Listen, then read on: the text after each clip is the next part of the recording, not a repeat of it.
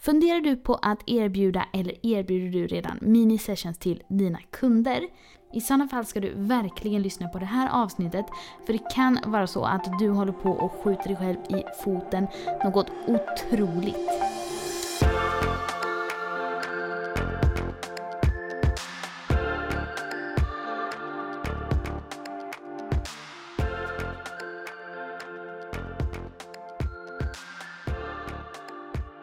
Hej och välkommen till din podcast om fotografering, Fotopodden. Jag som gör den här podcasten heter Maria Ekblad och jag är ju fotograf i Göteborg. Och innan vi hoppar in i dagens avsnitt så vill jag bara passa på att tipsa dig om min YouTube-kanal.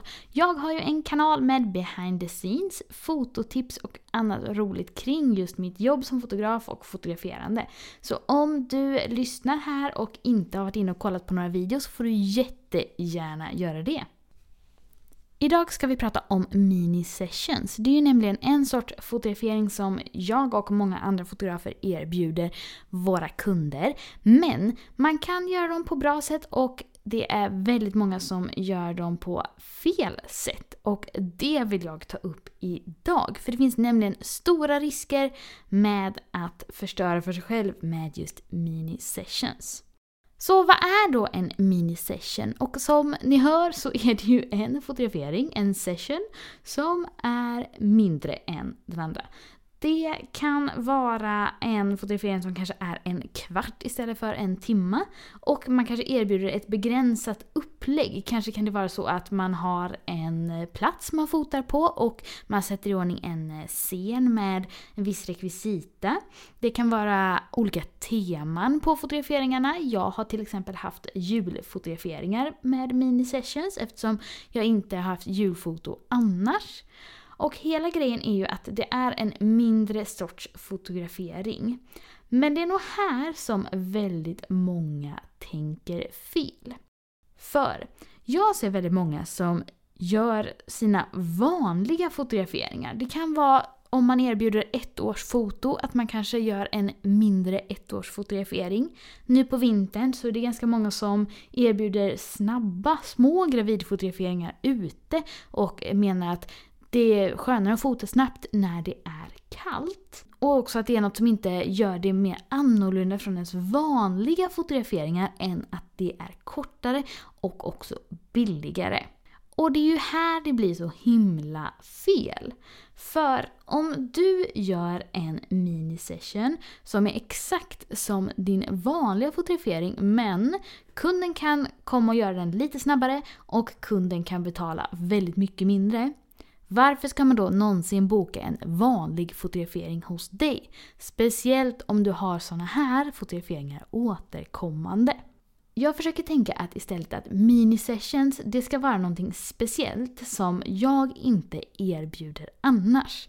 Det är därför jag har gjort till exempel julfoto som mini-sessions för att jag tänker att mina andra bilder ska vara lite mer tidslösa och inte så säsongsbundna. Jag tänker att man kanske inte gör en stor inramning av en julbild utan det kanske är mer något roligt som man vill ha på sociala medier eller som man kanske vill dela med nära och kära i jultider. Men om jag då hade erbjudit en nyfödd fotografering där bebisen har exakt samma poseringar, exakt samma rekvisita, men jag gör det lite snabbare och kanske bara har lite mindre poseringar. Det tror jag verkligen kan vara jättedåligt för mina vanliga fotograferingar. För det är ju väldigt lätt för oss som fotografer att tänka att men nu ingår det lite mindre saker i den här fotograferingen. Kanske poserar jag inte den nyfödda bebisen på sidan utan bara på mage. Eller kanske erbjuder jag bara rekvisita men inte beanbag. Kanske är det gravidfoto och det ingår bara en klänning istället för många ombyten. Eller att det bara är 10 minuters foto istället för en timma. Och jag tror att man kan lätt bli lite yrkesskadad som fotograf och tänker att det här är extremt stora skillnader. Men för kunden så blir det kanske inte jättestor skillnad. Visst, man kanske fattar att man bara får en gravidklänning istället för fem, men jag tror väldigt många kanske nöjer sig med det. Så även om man försöker begränsa sina minisessions, om de är för lika sina vanliga fotograferingar, så finns det väldigt stor risk att de då kannibaliserar och förstör för ens vanliga fotograferingar. Och det blir väldigt bakvänt. Så om du har lågt med bokningar, då tycker jag att du absolut inte ska erbjuda små fotograferingar med samma upplägg för att få in kunder. För det kommer verkligen bara göra att du får ännu färre vanliga kunder. Istället så tycker jag verkligen att du borde titta på allt annat man kan göra för att få in kunder i, till sina vanliga bokningar. Jag tycker också att om du vill ha minisessions så kan du ju verkligen fundera över om det finns något begränsat tema eller något upplägg du kan göra som du absolut inte annars gör, som inte kommer krocka med dina vanliga fotograferingar. Det kan till exempel vara nu när det kommer påsk om man vill erbjuda påskbilder. Man, jag har sett många fotografer som eh, erbjuder eh, fotograferingar med vårblommor som de gör fina uppsättningar i sin studio och som man bara då har under de dagarna. Och man kan ju utveckla det där på massor med olika sätt. Men som sagt, jag tror verkligen att det kan bli farligt för en om man erbjuder minisessions som liknar ens vanliga fotograferingar för mycket. För kunder är ju inte dumma Absolut inte. Utan om man har minisessions regelbundet också, om det inte är en fotografering som är tidsbegränsad på något sätt. Till exempel nyfödd måste man ju fota när bebisen är nyfödd. Men annars, då kan det ju vara så att man också väntar ut tills du kommer ha en minisession nästa gång.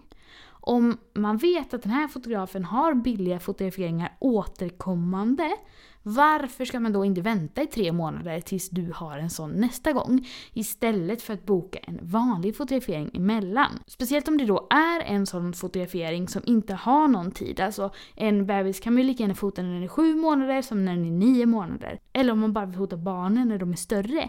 Det kan man ju egentligen göra lite när som helst. Det är ju inte så jätteviktigt om de är tre och ett halvt eller fyra. Så förstår du nu varför det är så himla viktigt att göra minisessions på rätt sätt och inte gräva sin egen grav med de här fotograferingarna.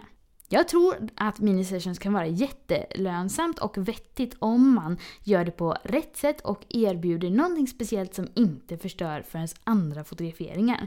Jag tror att det kan också vara väldigt roligt och man kan ju kanske också få in en del kunder som kommer på sådana snabba fotograferingar men som inte hade bokat en annars och det är ju inte fel på något sätt. Men man behöver fortfarande se till att de här andra som kommer boka en annars fortfarande gör det och inte väljer detta istället.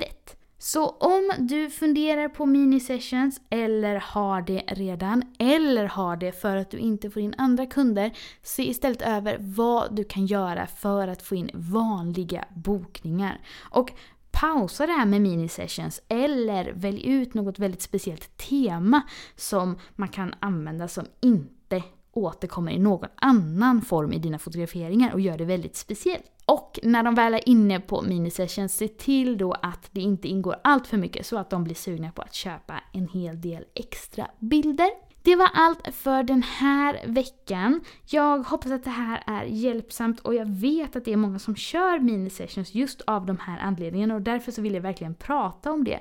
För jag tror verkligen man kan skjuta sig själv i foten rejält med sådana här fotograferingar om de inte görs på rätt sätt. Så var rädda om era vanliga bokningar. Fundera på vad ni kan satsa på annars för att få igång flödet med vanliga kunder. Och fundera över vad du kan göra för att göra dina minisessions väldigt speciella.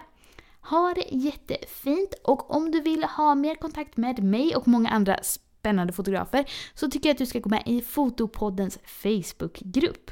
Fotopodden hittar du annars på Fotopodden på Facebook och på Instagram och mig hittar ni på fotograf Maria Ekblad på Youtube, Instagram och på Facebook. Ha det fint så hörs vi. Hejdå!